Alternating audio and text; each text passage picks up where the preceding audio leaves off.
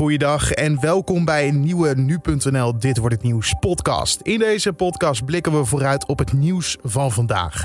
Met vandaag de nationale herdenking op de Dam. Daarover horen we straks meer van voorzitter van het Nationaal Comité 4 en 5 mei, Gerdy Verbeet. Verder aandacht voor de Franse Marie Le Pen, die voor de rechter moet verschijnen vanwege een tweet uit 2015.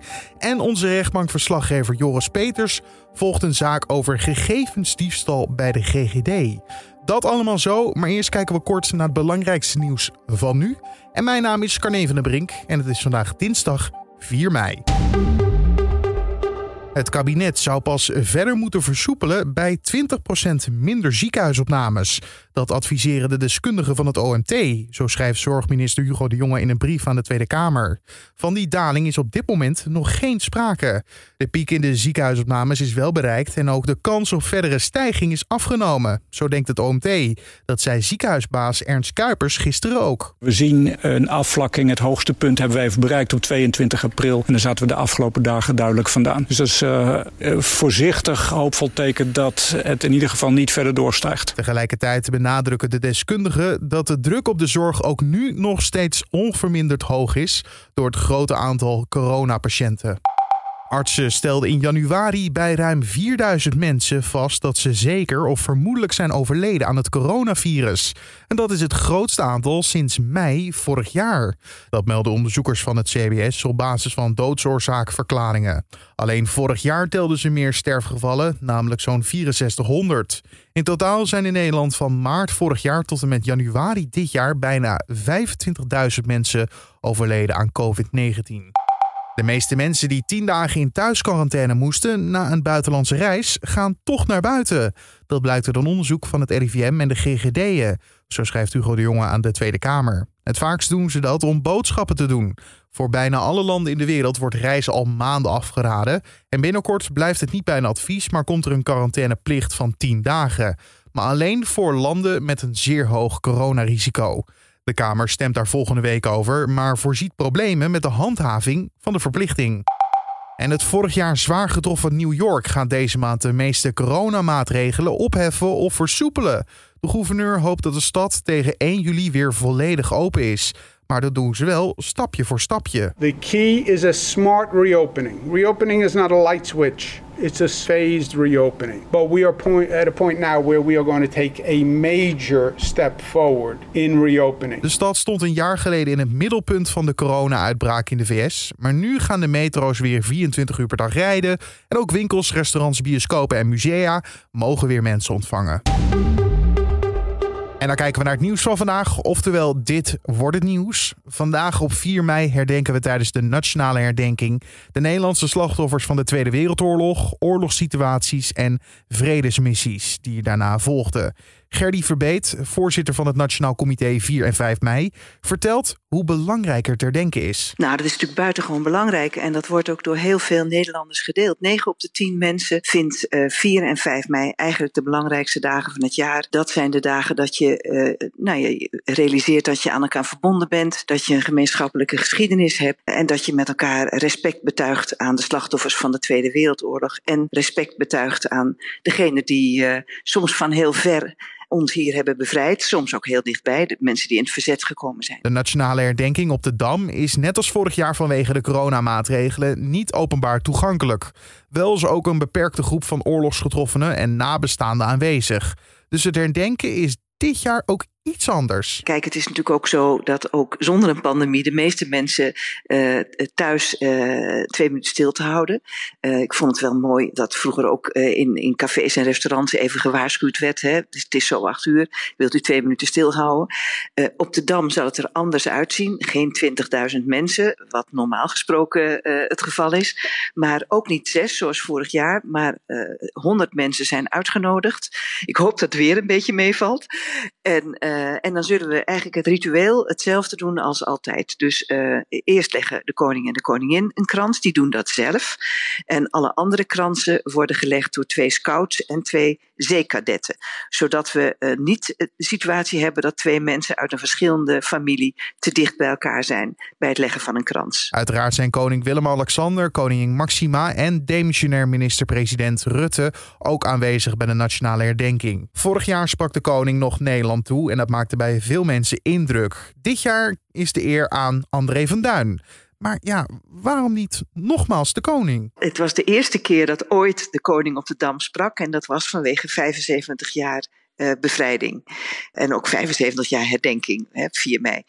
En het is dus uh, heel, uh, heel ongebruikelijk dat iemand twee jaar achter elkaar spreekt. En dat geldt zelfs voor onze koning. Om acht uur vanavond zijn we dus in heel Nederland twee minuten stil. Rijkswaterstaat waarschuwt weggebruikers om tijdig een parkeerplek te zoeken voor mensen die rond die tijd aan het rijden zijn. De NS zet wel alle treinen twee minuten stil en ook op de stations wordt op dat moment stilte gehouden. Een rechtbank in Parijs doet vandaag uitspraak in de zaak tegen de Franse rechtspopulistische politica Marie Le Pen. Ze staat terecht wegens het tweeten van grafische beelden waarop geweld door IS-leden duidelijk was te zien. Dat gebeurde echter al in 2015. Vandaag, zes jaar later, komt de zaak dus voor. Frankrijk-kenner Nick Pas van de Universiteit van Amsterdam vertelt waarom het zo lang heeft geduurd. Nou, op zich is dat niet verwonderlijk, want dit soort zaken Frankrijk die nemen doorgaans veel tijd in beslag. Het wordt allemaal goed uitgezocht uh, door justitie en uh, die, die uh, justitiële molens die draaien langzaam, maar ze draaien wel.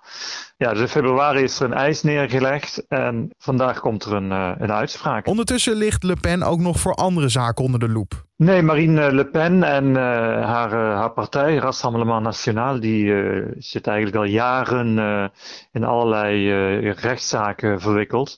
En het heeft vooral te maken met partijfinanciering, met financiering van politieke campagnes. Dat is niet iets wat, wat, wat heel typisch is voor, uh, voor het uh, Rassemblement National, moet ik erbij zeggen. Dus meerdere Franse partijen hebben daar mee te maken, ook meerdere politici. Um, maar bij haar is het toch wel heel erg eh, hard, hardnekkig. Het heeft alles mee te maken ook dat het Rassemblement National, dus haar partij, ja, in, in hele grote financiële problemen steekt. En er dus alles geprobeerd is de afgelopen jaren om dat, dat vlot te trekken.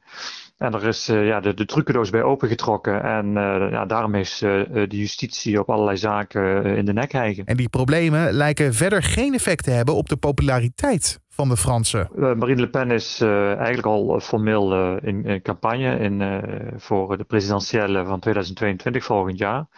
Um, ze is volop het campagne voeren. En in de, uit de peilingen blijkt dat ze het eigenlijk, eigenlijk heel goed doet.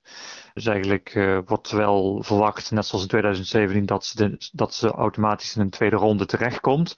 Ze heeft een heel trouwe achterban die ook, uh, ook uh, gaat stemmen en ook, ook, ook bij haar blijft. Politiek gezien, vanuit haar perspectief, staat ze er goed voor. Of dat voldoende zal zijn om dit keer wel de presidentiële, op het presidentiële plus terecht te komen, dat is natuurlijk een andere vraag. Die Franse presidentsverkiezingen zijn volgend jaar tussen 10 en 24 april en je hoorde Frankrijk-kenner Niek Pas van de Universiteit van Amsterdam. En twee mannen uit Alblasserdam en Heilo staan vandaag terecht voor identiteitsdiefstal uit de systemen van de GGD. Rechtbankverslaggever Joris Peters vertelt wat de twee precies hadden gestolen en wat ze hiermee van plan waren. Nou, het gaat om gegevens eh, van mensen die zich hebben uh, laten testen, een coronatest hebben ondergaan of zich hebben aangemeld voor bron- en contactonderzoek. Je moet dan denken aan adres, burgerservice-nummer, naam, de achternaam. En die hadden zij eigenlijk tot hun beschikking. Uh, en wat zij deden is dat ze die aanboden via Telegram. En dan kon je tussen de 30 en 50 euro kon je, kon je persoonlijke gegevens kopen van mensen. En de intentie die ze daarmee hadden, dat lijkt eigenlijk gewoon simpelweg geld verdienen. Hoe het precies zit, dat moet nog een dat moet nog wel duidelijk worden op de zitting. Of zij nou zijn aangestuurd door andere mensen of dat ze dit helemaal vanuit uh, eigen initiatief hebben gedaan. Uh, dat is nog niet helemaal duidelijk. Het gaat vandaag om een regiezitting. Wanneer de uitspraak volgt is nog niet bekend. En dan kijken we naar het weer van vandaag. Ik heb alvast mijn regenjas bij de hand. Maar of ik die ook de hele dag nodig heb, dat horen we van Alfred Snoek van Weerplaza. Het is vandaag een onstuimige dag. Er waait een stevige westenwind. Windkracht 5 tot 6 boven land. En aan zee staat zelfs af en toe een stormachtige bries, windkracht 8. Vanmorgen regent het. Die regen gaat in buien over. Met vanmiddag tussendoor ook af en toe wat zonneschijn. Maar dan zit er af en toe ook wel een forse bui tussen. Met onweer, hagel en windstoten. Windstoten van zo'n 75 km per uur in het binnenland. En 90 km per uur in de kustprovincies. Bij dat alles wordt het vandaag maximaal een graad of 11. Dankjewel Alfred Snoek van Weerplaza. En om af te sluiten nog even triest nieuws voor de rijkste man ter wereld. Want multimiljonair Bill Gates en zijn vrouw Melinda gaan scheiden. Het nieuws brachten ze gisteren via Twitter naar buiten. Het stel was een kleine 27 jaar getrouwd. De oprichter van het grote techbedrijf Microsoft en zijn vrouw zeggen lang te hebben nagedacht voordat ze het besluit hebben genomen.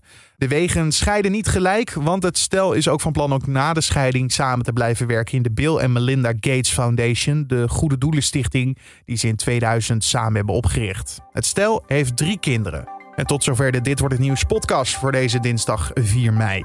Je vindt de podcast op de voorpagina van nu.nl in de ochtend en middag. En natuurlijk ook in je favoriete podcast app. Gewoon zoeken naar Dit Wordt Het Nieuws nu.nl. Dan vind je ons in Spotify, Apple Podcast of Google Podcast. En je kan je gratis abonneren, zo mis je geen aflevering. Mijn naam is Carne van der Brink. Ik wens je een hele mooie dag en tot de volgende.